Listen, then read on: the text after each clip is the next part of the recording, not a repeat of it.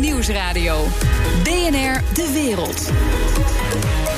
Bernard Hammelburg. Welkom bij het beste binnenlandse programma over het buitenland. Straks, onze benadering van China is al eeuwenlang een opeenstapeling van vreselijke miskleunen. We stappen er geen bal van. Tenminste, dat stelt Jan van der Putten in zijn nieuwe boek Ik spreek er hem zo over. Maar nu eerst. Zuid-Korea en Japan kunnen elkaar niet meer luchten of zien. Dat is levensgevaarlijk en doet inmiddels ook economisch heel veel pijn.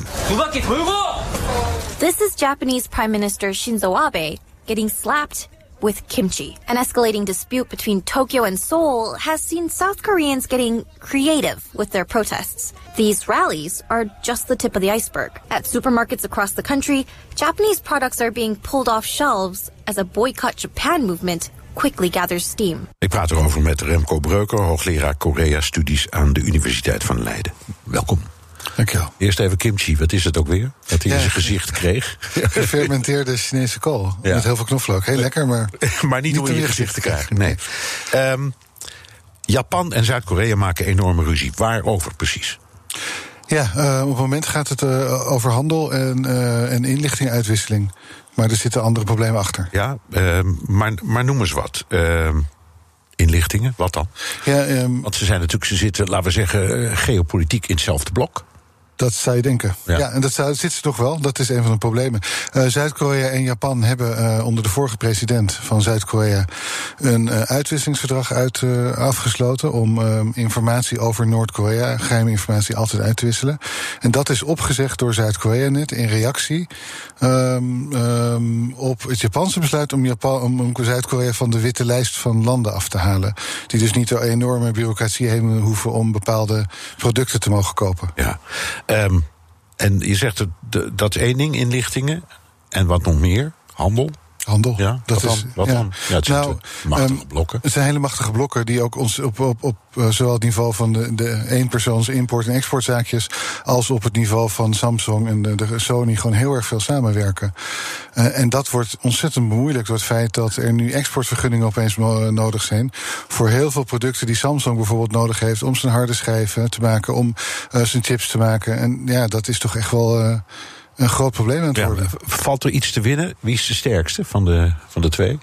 Ik zou het niet durven Nee, zeggen. want die vraag stelt natuurlijk ook steeds als je praat over Amerika en China. Ja. En dan zegt iedereen, nou uiteindelijk is waarschijnlijk Amerika net iets sterker als puntje bij paaltje Ja. komt.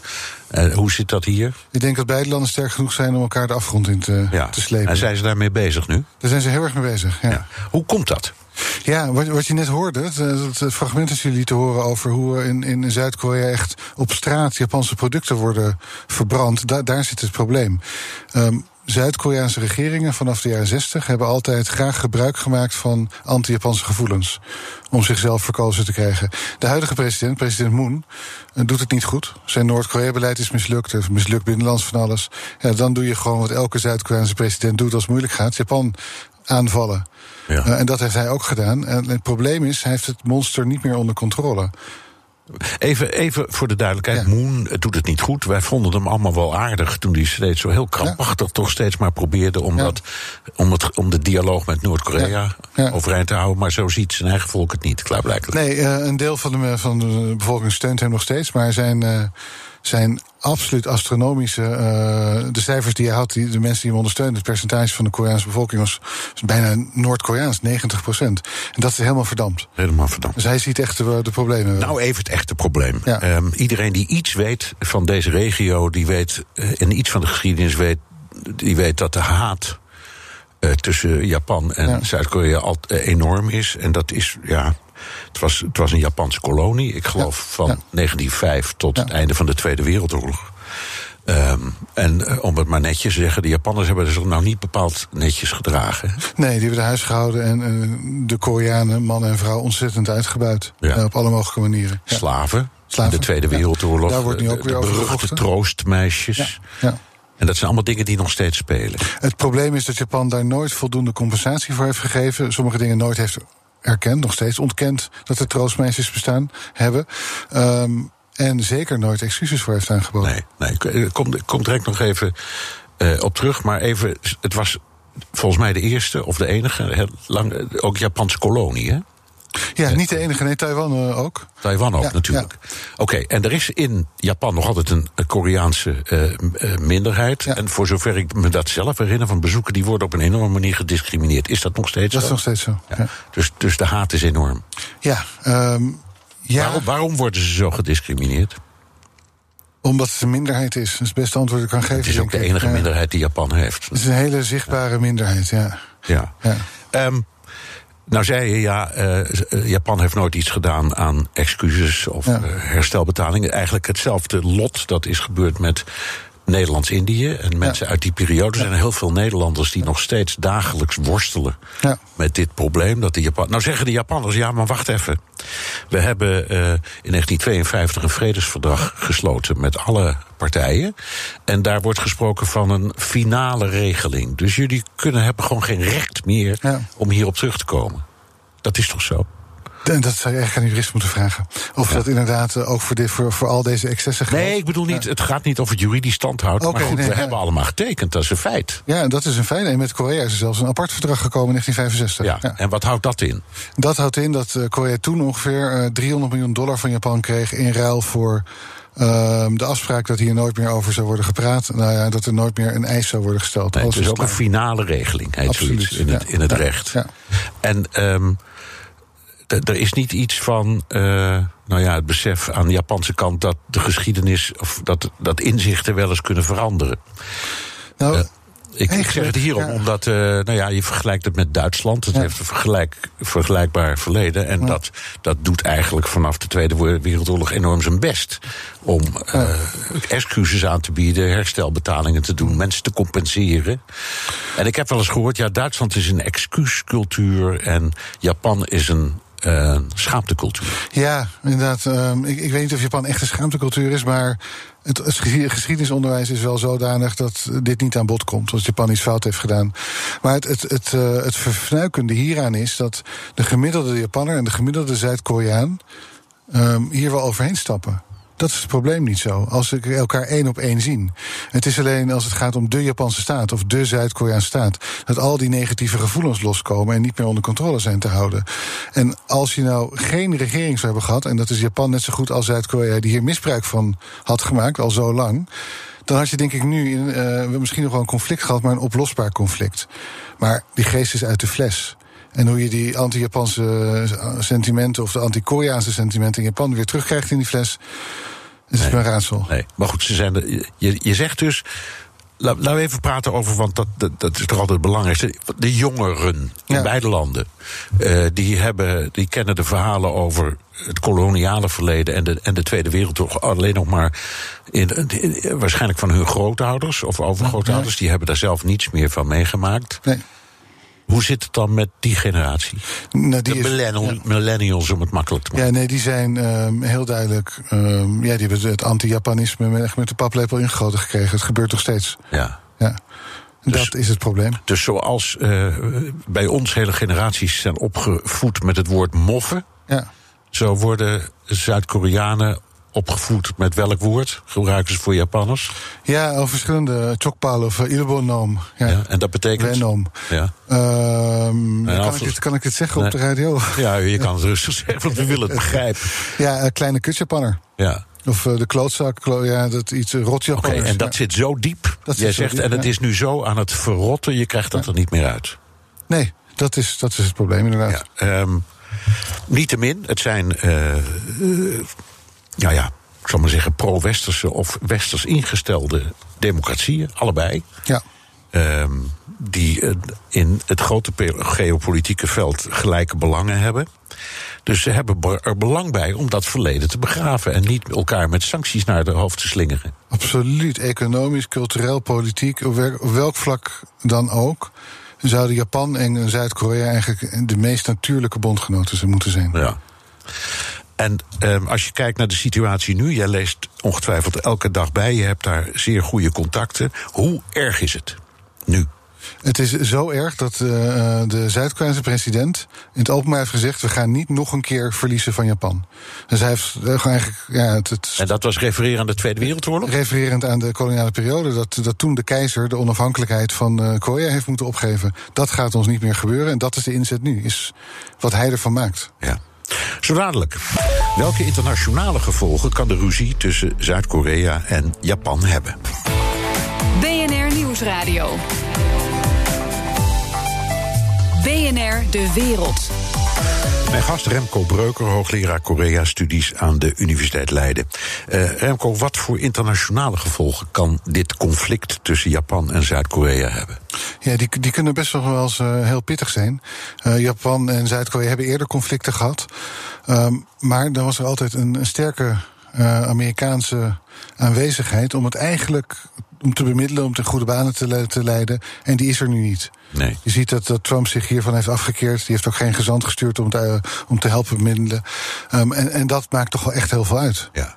Terwijl de Amerikanen of verdragstechnisch, of zelfs wat Japan betreft grondwettelijk. Ja. Um, de verplichting hebben om uh, Japan en Zuid-Korea terzijde te staan. Klopt, ja, dus je zou denken dat... En dat, was voor, dat was voor de Amerikanen ook altijd de, re de reden om om, om ja, te zorgen dat dat niet uit de hand liep. Nee, klopt. Uh, je, uh, je zou denken dat, dat het makkelijker is als beide landen door één deur kunnen met elkaar. Zeker als, het, uh, als je kijkt wat er in Noord-Korea op dit moment allemaal gebeurt. Het, het rommelt natuurlijk enorm. Er worden ja. heel veel raketten gelanceerd, er wordt van ons getest. wie weet wat ons nog te wachten staat. Nee. Maar ja, het Witte Huis kijkt toch echt op dit moment aan de andere kant dus de, dus de Amerikanen spelen een nou ja, die, die, die, geven niet thuis. En, daar, en je ziet hoe belangrijk die ja. zijn. We denken wel eens, kunnen we buiten Amerika? Nou, blijkbaar niet. Als je het nee, zo... ik ben bang niet. En, nu, wat, en China, hoe kijkt China naar dit hele... Ja, er is natuurlijk een machtsvacuum aan het ontstaan... Uh, rondom het uh, Koreaanse schiereiland in Japan. Uh, en China wacht een beetje af, denk ik. Maar tegelijkertijd is, is eigenlijk het voorwerk allemaal al gedaan... om een, een, een, nieuws, een nieuwe machtsorde te creëren in Azië. En dat zullen we wereldwijd voelen. In die zin dat Zuid-Korea... Um, onder deze president uh, wel eens um, van partner kan wisselen. Niet meer VS als de belangrijkste partner waarop het leunt, economisch, militair, maar China. En kan China leveren? En hoe? Ja. Wat moet ik me erbij voorstellen? Want ja. je, hebt, je hebt, om het even duidelijk, je hebt die gedemilitariseerde zone tussen Noord- en Zuid-Korea. Ja. Er zitten wat, weet ik wat, 30.000 Amerikaanse soldaten. Er zitten ook in de rest van Zuid-Korea nogal wat Amerikaanse soldaten. Mm -hmm. uh, dat is een hele krachtige rol. Daar komen we direct nog wel even op terug hoor. Maar uh, dat zou China die positie kunnen innemen? Of overnemen? Of hoe moeten we ons dat voorstellen? Niet, niet op dezelfde manier. Uh, een Zuid-Korea met een Chinese militaire aanwezigheid ligt nu niet voor de hand. Überhaupt denk ik niet dat Zuid-Korea daar heel makkelijk mee in zou stemmen. Maar het is heel iets anders. En dat is uh, wat een paar maanden terug is aangekondigd door Zuid-Korea in China. En wat in de pers, de westerse pers, zeker bijna geen aandacht heeft gehad. Tot mijn verbazing, want het is echt een van de belangrijkere aankondigingen die ik de afgelopen jaar heb gezien. Zuid-Korea heeft aangegeven graag deel te gaan worden van wat in Nederland ook wel de nieuwe zijderoute heet, de Belt and Road Initiative. Ja. Dat bijna megalomane infrastructuurproject van China. Met 70 landen. En uh, hoe precies? We weten ongeveer hoe dat uh, in Europa werkt. Daar ja. hebben ze de haven van Piraeus opgekocht. Ja. En een derde van het terminal in Rotterdam. Ja. En een aantal wegen. En ga zo maar door. Trein, treinverbindingen. Hoe, zijn ze, hoe zouden ze dat in Zuid-Korea doen? Ja, een treinverbinding. Maar ja, dan moet je door Noord-Korea.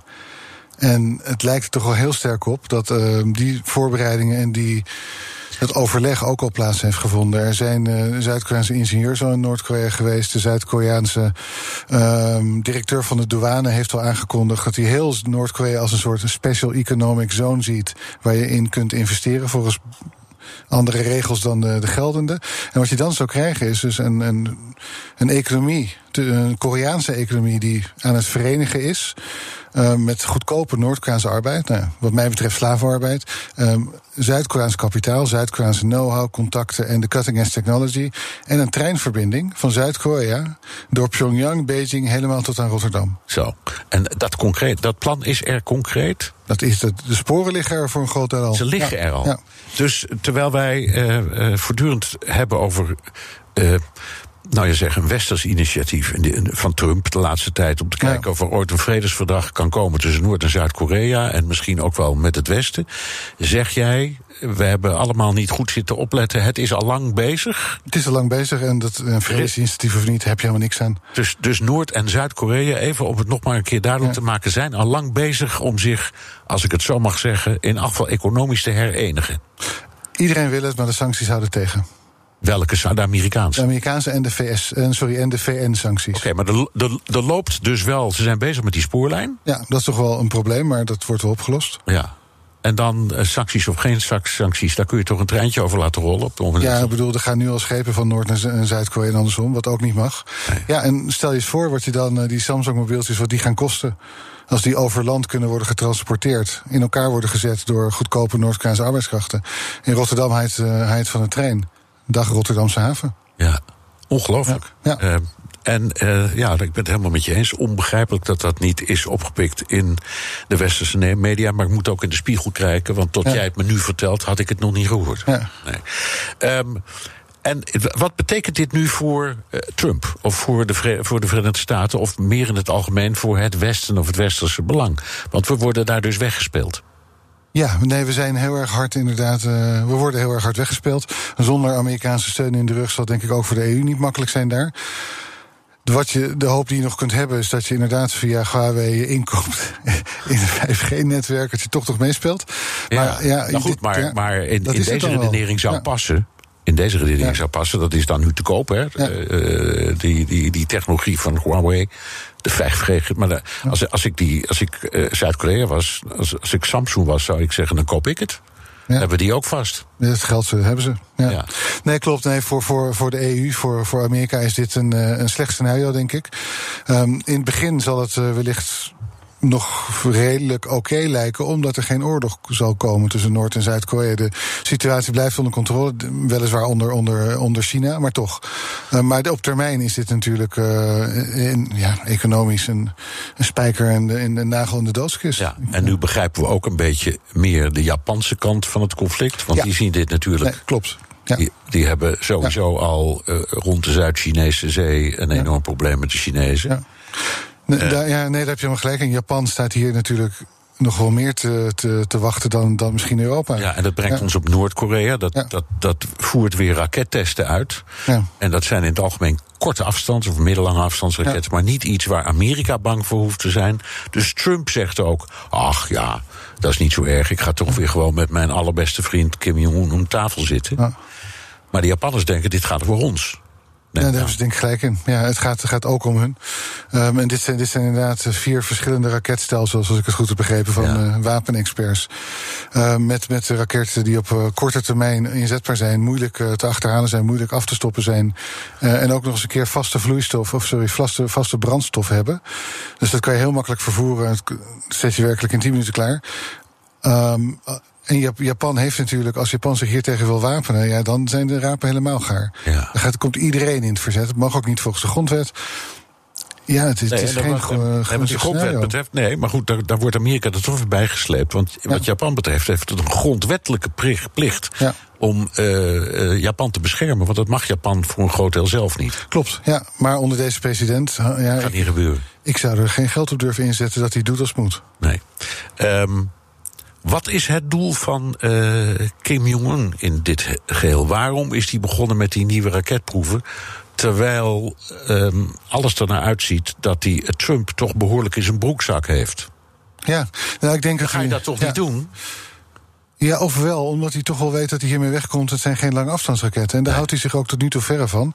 Ehm, ik denk dat hij een stuk verder kijkt dan, eh, dan de Trump. eh, Oké, kijk dan nog even vanuit zijn perspectief. Hoe ziet hij dit? Hij vindt natuurlijk dat, dat Belt and Road Initiative, die, die zijderoute, prachtig. Ja. Want hij wordt, hij wordt een noodzakelijk onderdeel Ja. van een megaproject in de wereld.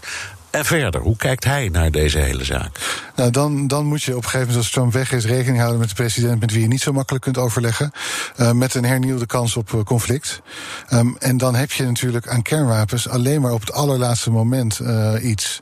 Het zijn, de, daar vecht je geen oorlog mee uit. Daar win je uiteindelijk niet mee als Noord-Korea. Dat is echt het laatste redmiddel.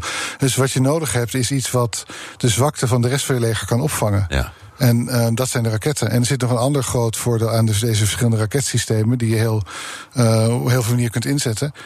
Ze leveren heel veel geld op. Ja, Noord-Korea verdient honderden miljoenen waarschijnlijk Aan per de jaar. verkoop van Aan deze de verkoop van Ja, raketsystemen. en nog even, waar gaan ze ook weer heen? Syrië, noem nog eens. Syrië, ja, eh, Afrikaanse landen, Midden-Oosten, ja. Ja. Ehm, hoe kijkt Noord-Korea aan tegen, die, tegen dat conflict tussen Zuid-Korea en Japan? Is dat in hun belang of uiteindelijk niet? Ja, nee, het is heel duidelijk in het belang van Zuid-Korea.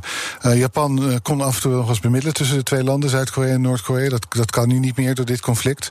Noord-Korea staat aan dezelfde kant als het gaat om Japan overal schuld van geven. Ehm, en door eh, Japan en Zuid-Korea eigenlijk uit elkaar te zien groeien, eh, verzwakt de Amer- Amerikaanse positie ook. En hebben ze op een gegeven moment geen blok meer tegen zich, maar worden zij onderdeel van het, macht, het machtigste blok: China, Noord- en Zuid-Korea. In sommige grote situaties, conflicten, eh, politieke spanningen in de wereld hebben wij als Europa wel iets in de melk te brokkelen. Hier Ja. voor de duidelijkheid echt helemaal niks. Hè? Ik, nee, het hadden, we hadden eerder denk ik daarop moeten inzetten. Dus dat moet- hebben we niet gedaan. wij- we moeten met leden ogen toezien hoe het grote spel wordt gespeeld door de spelers Japan, China, Noord- en eh, Zuid- Zuid-Korea. eh, Ja. En Amerika dat zich Ja. als het ware Ja. terugtrekt. En Maar, we kunnen er helemaal niets aan doen. Niet ter plekke, maar we kunnen natuurlijk wel wat doen aan eh, de nieuwe zijderoute en hoe die eh, ons, ons territorium binnenkomt. Ja, dus Maar, moeten, we, moeten, moeten we daar als Nederland en als EU zeggen: het is mooi geweest? Ja, betreft hadden we het al veel eerder gedaan. Ja, wel goed, maar het is nog niet af. Nee, klopt. Nee, ik denk niet dat je een. een, En een twee, haven- derde, ja, twee derde van het terminal in Rotterdam is nog niet in Chinese handen. Precies. Ja, Ja, ja, nee, ja dat is zo. Ja, dat is positief. ja. Ja. Oké, heel hartelijk dank. Remco Breuker, hoogleraar Korea-studies aan de Universiteit Leiden. BNR Nieuwsradio. BNR De Wereld. Bernard Hammelburg. Frans Timmermans ma- mag dan de klimaatkoning van Brussel worden. Hij is niet de commissaris die verantwoordelijk is voor milieu. Die taak gaat naar de jongste persoon in de nieuwe Europese Commissie. Een 28-jarige Litouwer waarvan het verhaal gaat dat hij een Donald Trump-petje in zijn kantoor heeft liggen. Europa-verslaggever Jesse Pinster. Is hij een fan van de Amerikaanse president? Dat is niet helemaal duidelijk, maar ik beloof je over een paar minuten, dan weten we het wel of niet. Ehm, het verhaal komt van Politico, de, de, de nieuwswebsite waar eigenlijk heel Brussel altijd naar zit te kijken. Die hadden het verhaal dat er dus bij deze man, die minister was in Litouwen, een Make American Great, het rode petje van Trump, dat dat daar rondslingerde. En om erachter te komen of dit nou een Trump-aanhanger is, ben ik eerst maar eens met Maastricht gaan bellen. Want deze Sinkevicius, de Litouwer die dus in de Europese Commissie zit, die heeft in Maastricht gestudeerd, heeft daar een master gedaan. En ik sprak daar met Giselle Bossen, die hem begeleid heeft toen hij zijn scriptie schreef. Ik vond het ook grappig, ja, dat verhaal natuurlijk met zijn hoed daar op, op zijn kantoor. Make America Great Again, ja. Maar bij ons eigenlijk was iemand, hij heeft mij in herinnering als iemand daar, ja, die eigenlijk ging het alleen om Europa en het Europa beter te maken. Dus die Donald Trump die daar eh, rondslingerde op zijn kantoor, die moeten we toch misschien met een zekere ironie eh, benaderen. Ja, dat denk ik ook, dat denk ik ook. Dat is de eerste aanwijzing dat het misschien geen Trump-aanhanger is. En zelf heeft hij in een interview bij de Litouwse radio ook gezegd: Ja, dat kreeg ik van een vriend, die slingerde daar toevallig rond. Ja, kan me voorstellen hoor. Ik had hem ook in mijn kantoor opgehangen onder die omstandigheden. Maar je kunt dus zeggen, ehm, eh, het is niet een grote Donald Trump-aanhanger in die Europese Commissie terecht. Nee, nee waarschijnlijk niet. En eh von der Leyen, de nieuwe eh, voorzitter van de Europese Commissie, die is ook wel nou, niet de grootste fan van Donald Trump. En erg blij om deze Litouwer binnen te halen. Virginius Sinkevicius. He is 28 years old, and he shows that Europe is ready to hand responsibility over to the younger generation. Ja, de nieuwe generatie is aan de macht. Nou, ik betwijfel dat de gemiddelde leeftijd van de nieuwe commissie is 56 jaar. Ja, en hoe kom je dan als 28, eh, 28-jarige in die commissie terecht? Nou, in ieder geval om eh, eerst in Maastricht te gaan Als ik zijn studeren. naam nu zag, dacht ik, oh ja, natuurlijk. Een student ja, die je niet zo snel vergeet. hè, de- eh, omdat hij ook zo geïnteresseerd en gedreven was. En dan heel snel minister te worden, dat is misschien wat makkelijker in een landje als Litouwen. Daar heb je toch iets minder inwoners. Nou, ik heb nog even gebeld met Thomas Plantinga, dat is een Nederlandse zakenman die daar zit. Een hele scherpe kerel. Hij is de CEO van Vinted, dat is een soort marktplaats in tweedehands kleding. En hij heeft deze minister, want die ging over economische zaken en innovatie, regelmatig ontmoet. Als je kijkt wat eh, zijn take is op eh, hoe, hoe in Europa dingen anders moeten. En uh, dan especially ten opzichte van hoe we ons moeten positioneren ten opzichte van de VS en China dan, dan denk ik dat, daar, dat hij daar een erg sterke visie heeft. Ja, dus hij is juist aan het kijken hoe Europa zich moet verhouden tot China, tot Amerika.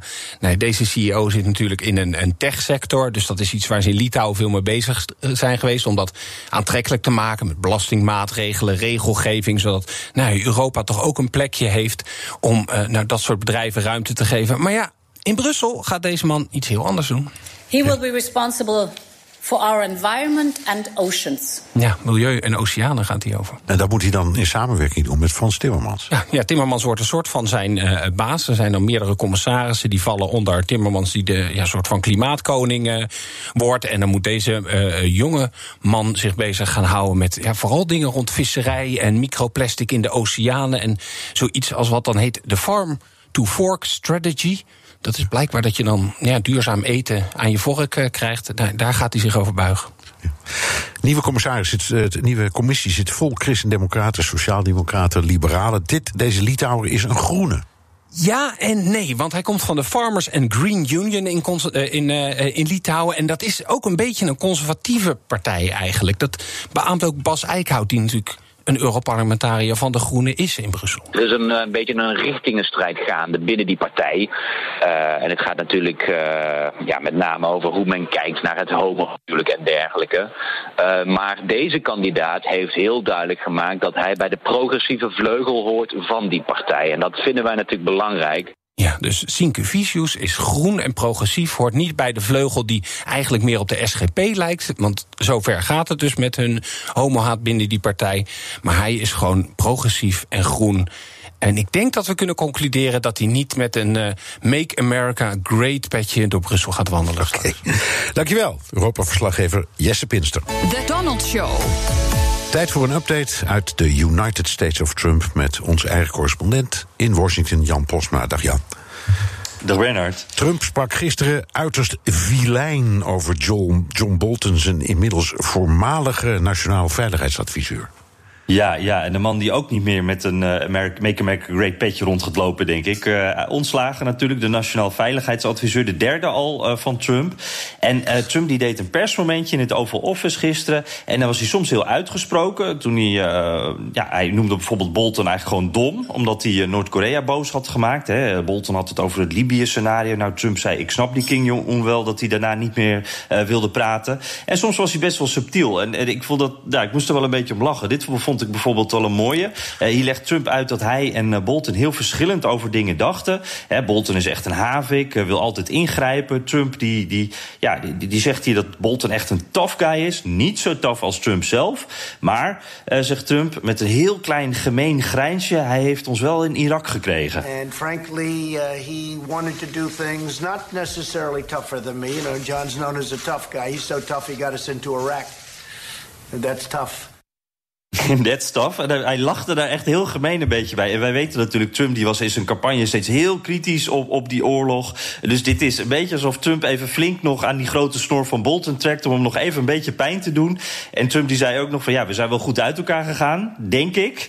Uh, maar inmiddels is er uh, een beetje een, een tweestrijd tussen de twee. Dat Trump zegt, ik heb hem ontslagen. En Bolton is, uh, heeft allerlei media de afgelopen dagen gebeld... om te vertellen dat hij toch echt zelf is opgestapt. Ja.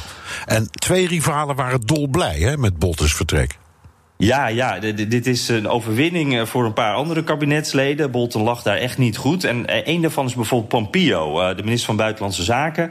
Die praten al echt weken niet meer met Bolton. En Pompeo en Mnuchin, andere minister, die hielden vlak na Boltons vertrek een persconferentie. Nou, die persconferentie zou eerst met Bolton zijn, met z'n drieën. En dat zou over een heel ander onderwerp gaan. Maar ja, toen was Bolton ineens weg. En vooral Pompeo, die kon echt zijn grijnzen moeilijk van zijn gezicht houden. hem werd gevraagd of hij verrast was door het vertrek van Bolton. Nou, en toen kwam die grijns weer. I'm never surprised. well, let me ask you.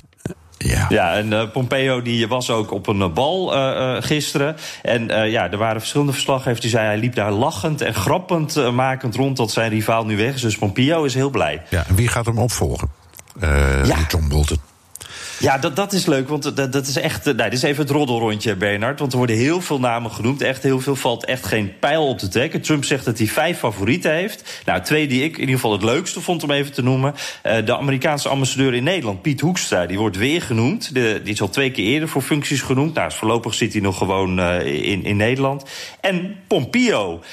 Ja, die zou dan minister en nationaal veiligheidsadviseur tegelijk zijn. Dat is één keer in de geschiedenis eerder gebeurd. Dat was Kissinger onder Nixon. Ja, ik weet niet of het echt handig is, want je wilt toch meerdere perspectieven horen in, in, in je, je veiligheidsraad. En dat lukt dan natuurlijk niet echt als je dezelfde persoon aanwijst. Maar ja, het maakt ook eigenlijk misschien niet zoveel uit. Want Pompeo was eigenlijk de afgelopen periode al de facto de veiligheidsadviseur. En wie het ook wordt, de verwachting is dat die Pompeo belangrijk blijft. En ja, dat, dat er sowieso iemand komt die meer met de president uh, ja, mee zal denken dan dat hij hem tegen zal spreken. Ja. Dat was een van de punten. Er waren er verschillen. Er was de Taliban en van alles en nog wat. Maar Bolton wilde absoluut niet dat Trump zou praten met uh, Iran. En nou is Bolton weg. De, en iedereen zegt, ja, er zou best een ontmoeting kunnen komen tussen uh, Rouhani en Trump, bijvoorbeeld bij de jaarvergadering van de Verenigde Naties. Wat hoor je daarover? Ja, nou, dat, inderdaad, dat, dat is echt zo'n gerucht dat al een paar weken ook gaat. En uh, persbureau Bloomberg had wel een interessant verhaal. Die zeiden dat Trump uh, maandagmiddag, dus eigenlijk voordat Bolton ontslagen werd... Dat, dat hij overlegd heeft over een ontmoeting met Rouhani. En dat ze ook hebben gekeken of bijvoorbeeld de sancties iets verlicht zouden kunnen worden.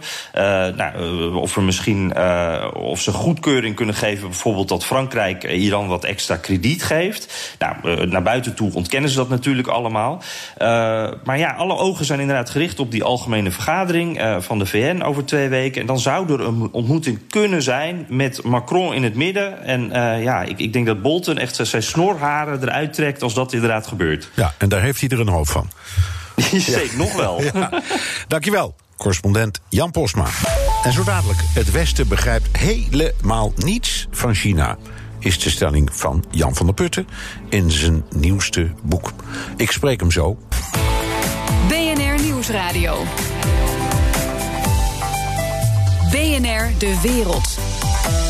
De Amerikaanse president Donald Trump schort de hogere importheffingen op Chinese producten die hij per 1 oktober wilde invoeren op tot 15 oktober. Volgens Trump is het uitstel op verzoek van China en doet hij dat als gebaar van goede wil. Correspondent Jan Posma sprak er vanmorgen over met Bas van Werven. Goedemorgen Bas. Waarom dit uitstel?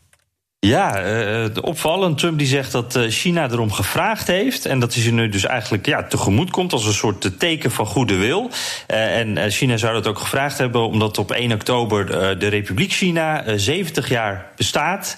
En ja, het lijkt ook een beetje een, een ja, een teken hè, dat, die, dat die contacten tussen de twee landen misschien weer wat ontdooid zijn. Dat het misschien weer een beetje de goede kant op gaat. Maar goed, ja. dat is een beetje gissen. Ja, maar toch, we zien Trump heen en weer zwabberen met uh, al die tarieven. Dan wil hij weer in, iets invoeren, dan stelt hij het weer uit. Ineens is het weer van de baan. Ja. Is dit nou tactiek? Is het onderhandelingstactiek van de man die ooit een boek over dealmaking schreef? Of is het gewoon grilligheid van de man die zei dat hij de chosen one is?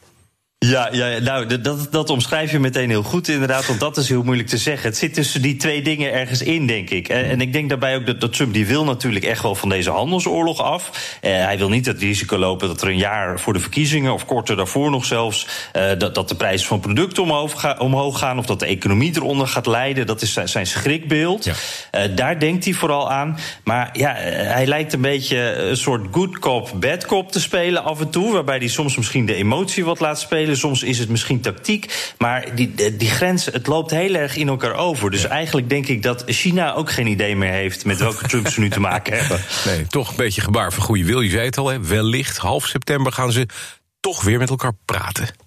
Ja, inderdaad. Dan gaan uh, weer, weer, delegaties uh, ja, een beetje voorzichtig met elkaar praten. Nog niet echt onderhandelen, maar een beetje die, die, voorbereidende gesprekken worden dat. En dan zou er begin oktober ook weer echt onderhandeld moeten worden. Ook een, een niveautje hoger. Dan gaat het serieuze werk weer beginnen. Mm -hmm. Dus ja, dan gaan we allemaal weer gespannen kijken of er dan iets uit gaat komen. Of dat het zoals dat eigenlijk de afgelopen paar maanden steeds ging. Dat iedereen zegt van ja, we zijn dichtbij. Maar dat er in de praktijk eigenlijk nog niks uitkomt. Nee, precies. Dan nog steeds even over die handelsoorlog we lopen naar de verkiezingen toe. Is er nog steun in Amerika voor die, voor die handelsoorlog tussen Amerika en China?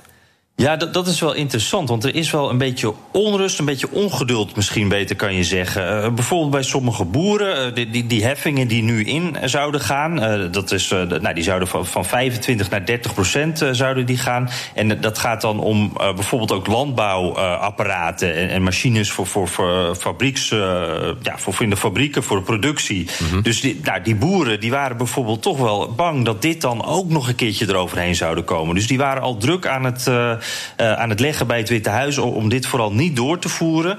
En uh, die, die, boeren, dat is toch nog steeds, uh, dat is de Achilleshiel eigenlijk van Trump in dit geheel. Die sojaboeren die al heel lang in onzekerheid zitten, die willen verder. Die willen af van die subsidies die ze krijgen van, van de Amerikaanse regering. die, die hebben te maken met hele lage prijzen. Dus die kunnen op dit moment eigenlijk gewoon hun beroep niet normaal uitoefenen. Die kunnen niet normaal geld verdienen. En in die groepen is echt wel ongeduld. Die willen gewoon een oplossing. Die willen gewoon weer terug naar de oude situatie dat ze gewoon hun eigen broek uh, omhoog kunnen houden. En uh, dat was Jan Posma in gesprek met uh, collega Bas van Werven. BNR Nieuwsradio. BNR De Wereld. Ik sprak straks met Jes Pinster, kort, over de nieuwe commissaris voor Milieu. En dat bracht ons op het thema van de groenen. Dus we praten er even over door als je dat goed vindt, uh, Jesse. Uh, er was tijdens de verkiezingen een hele opmerkelijke situatie. Je had spitsenkandidaten van de grote partijen. De Groenen hadden er zelfs twee. En die hebben helemaal niet slecht gescoord nee, in, de, in de Europese verkiezingen. En uiteindelijk eindigen ze met één jong broekie als commissaris in de commissie. Ja. Hoe kan dat? Wat is er met die uh, groene gebeurt. Ja, want ze deden het inderdaad heel goed. Heel goed gescoord in Duitsland, in Frankrijk. Grote landen, weet je. Dat levert veel Europarlementariërs op. En de, de veronderstelling op het moment dat die verkiezingen de uitslagen binnenkwamen... was dat ze een centrale rol zouden gaan spelen... in die hele formatie van een nieuwe Europese Commissie. En wat je gezien hebt, is dat dat uiteindelijk... het kostte ze drie dagen en nachten... maar dat de regeringsleiders dus bepalen wat er uiteindelijk in die commissie terecht gaat komen. Ja. Dus ik, ik liet net al eventjes uh, kwam Bas Eickhout. Uh, dat was een van die spitskandidaten. Precies, ja. Dus voor de Groenen. die hebben we uitvoerig in onze uitzendingen gehoord. En destijds in, het, uh, in dat debat dat jij en ik mm. hebben geleid. Ja. Nou, en ik vroeg hem dus al nog even: van, weet je, van wat. Wat is daar nou eigenlijk misgegaan? Ja. Uh, we hebben heel erg lang ingezet op dat wij altijd zeggen, zo zijn we als groenen. Hè, de inhoud uh, is vooral belangrijk. Uh, en we hebben gewoon een beetje onderschat dat, uh, dat het gewoon een redelijk ordinair uitruil werd tussen de regeringsleiders, waar wij niet aan tafel zitten. Je moet eigenlijk concluderen dat ze een beetje naïef erin gestapt zijn en dachten van wij, nee, inhoud is belangrijk, ja. niet die poppetjes. Maar iets van, laten we zeggen, in die commissie uh, evenredige vertegenwoordiging is volkomen zoeken. Maar je hebt natuurlijk ook niet een officiële coalitie nee. in, de Europese, uh, uh, in het Europese parlement. Weet je, en, en als je heel erg hard cijfermatig zou kijken, dan heb je inderdaad de Groenen niet eens nodig. Met de Christen-Democraten, de Sociaaldemocraten en de, de Liberalen, die, die Renew Europe. Ja. Weet je, dan, ja. dan ben je er net wel. Maar omdat fractiediscipline in dat parlement heel laag is, werd er vanuit gegaan, je moet die Groenen erbij hebben. En dat probeert Ursula von der Leyen tot op de dag van vandaag als nieuwe voorzitter van de Europese Commissie of aanstaande uh, om dat ook voor elkaar te krijgen. Je, het is niet toevallig dat ze werkelijk iedere keer als ze ergens gaat praten, begint met we moeten groener worden als Europa. Er moet een Green Deal komen. En weet je, dat dus Frans Timmermans de eerste persoon is die ze aankondigde toen ze afgelopen dinsdag ook haar nieuwe team en de verdeling van de portefeuilles ging doen. Dus zij probeert inderdaad nog steeds op die inhoud, wat die groenen ook wilden, ze tevreden te stellen. Maar ja, je moet dus net als uh, Eickhout zelf ook doet, concluderen dat ze in die machtspolitiek die Brussel ook is, ja. ja. toch een beetje verloren. Ja, er is dus geen sprake van een coalitie. Dat heb je al uh, vaak uitgelegd en nu weer. Um, je zegt wel, je kunt wel iets zien van, laten we zeggen, een karakter of een karakteristiek van waar die commissie heen wil. De, de positie van Timmermans, milieu en, en dat soort dingen zijn dus klaarblijkelijk heel belangrijk. Wat kun je nog meer aangeven? Heb je enig idee van de route die deze commissie wil gaan lopen? Ja, dat, weet je, maar dan kom je toch snel dat je op ieder individueel, individueel terrein moet gaan kijken welke kansen op gaan. Kijk, er zit veel continuïteit in als je gewoon al kijkt naar de mensen die daarin zitten. Weet je, Timmermans zat ook in de vorige commissie en zo is er een hele waslijst. Ja, daar wordt dan een groentje uit Litouwen bijgegooid om toch een beetje, ja, nou ja, greenwashing zou je het bijna kunnen noemen, of een beetje jonge uitstraling te geven. Maar er zitten veel van dezelfde mensen. Maar weet je, als je dus op, op beleidsniveau gaat kijken wat er uh, in al die missiebrieven, zoals die heten, iedere uh, commissaris heeft een brief van Ursula von der Leyen gekregen van ik wil dat je dit gaat doen. En weet je, en dan kom je wel inderdaad die nuances tegen. De, de, de duidelijke zijn inderdaad, we willen heel erg op groen. We moeten meer de, de, de digitale toekomst die we tegemoet gaan, daar moeten we klaar voor zijn als Europa. Maar ja, je kan ook naar kleinere dingen kijken als uh, neem bijvoorbeeld begrotingsbeleid. Weet je, waar we heel veel aandacht voor hebben gehad met Italië met name. Als je daar gaat kijken welke opdracht ze meegeeft aan de notabene Italiaanse eurocommissaris die daarover moet gaan, dan is het zoek alle ruimte op die we hebben met de regels die er nu zijn. Geef Italië zoveel mogelijk ruimte om toch, ja, het ook wat de regering in Rome graag wil. We gaan onze schuld terugbrengen. Maar dat gaan we doen door te groeien. En dan moeten we eerst geld gaan uitgeven. En in die volgorde gaan we het doen. En dat is, die, die, die zat er al een beetje in. Die zat al een beetje in, in de ideeën van Juncker, maar dat wordt inderdaad nu nog veel explicieter gemaakt bij deze nieuwe Europese uh, commissie van Ursula von der Leyen. Ja. Dankjewel. BNR Nieuwsradio. Bernard Hammelburg. Inmiddels aangeschoven Jan van der Putten, uh, oud-correspondent in uh, China. Met, uh, die heeft een nieuw boek geschreven. Het ligt hier voor ons. Uh, Jan, uh, welkom. Fijn dat je er bent. Ik heb het, ik heb het in duizend losse vellen liggen. Zonder, niet niet ge, genummerd, zoals je kunt zien. Maar we gaan proberen in de paar minuten die we hebben... toch een beetje een idee te geven.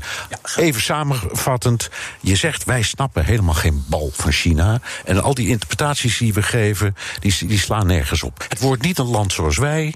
Ze gaan niet af van het communisme. Nou, noem het allemaal maar op. Ja. Ze, vind, ze, wilden, ze willen ook niet allemaal Amerikaan of Europeaan worden. Helemaal niet. Nee, vertel hoe het wel zit dan. Ze willen zichzelf worden. Ja, mag je microfoon... Deze ietsje meer naar mij? Ja. Oké. Okay.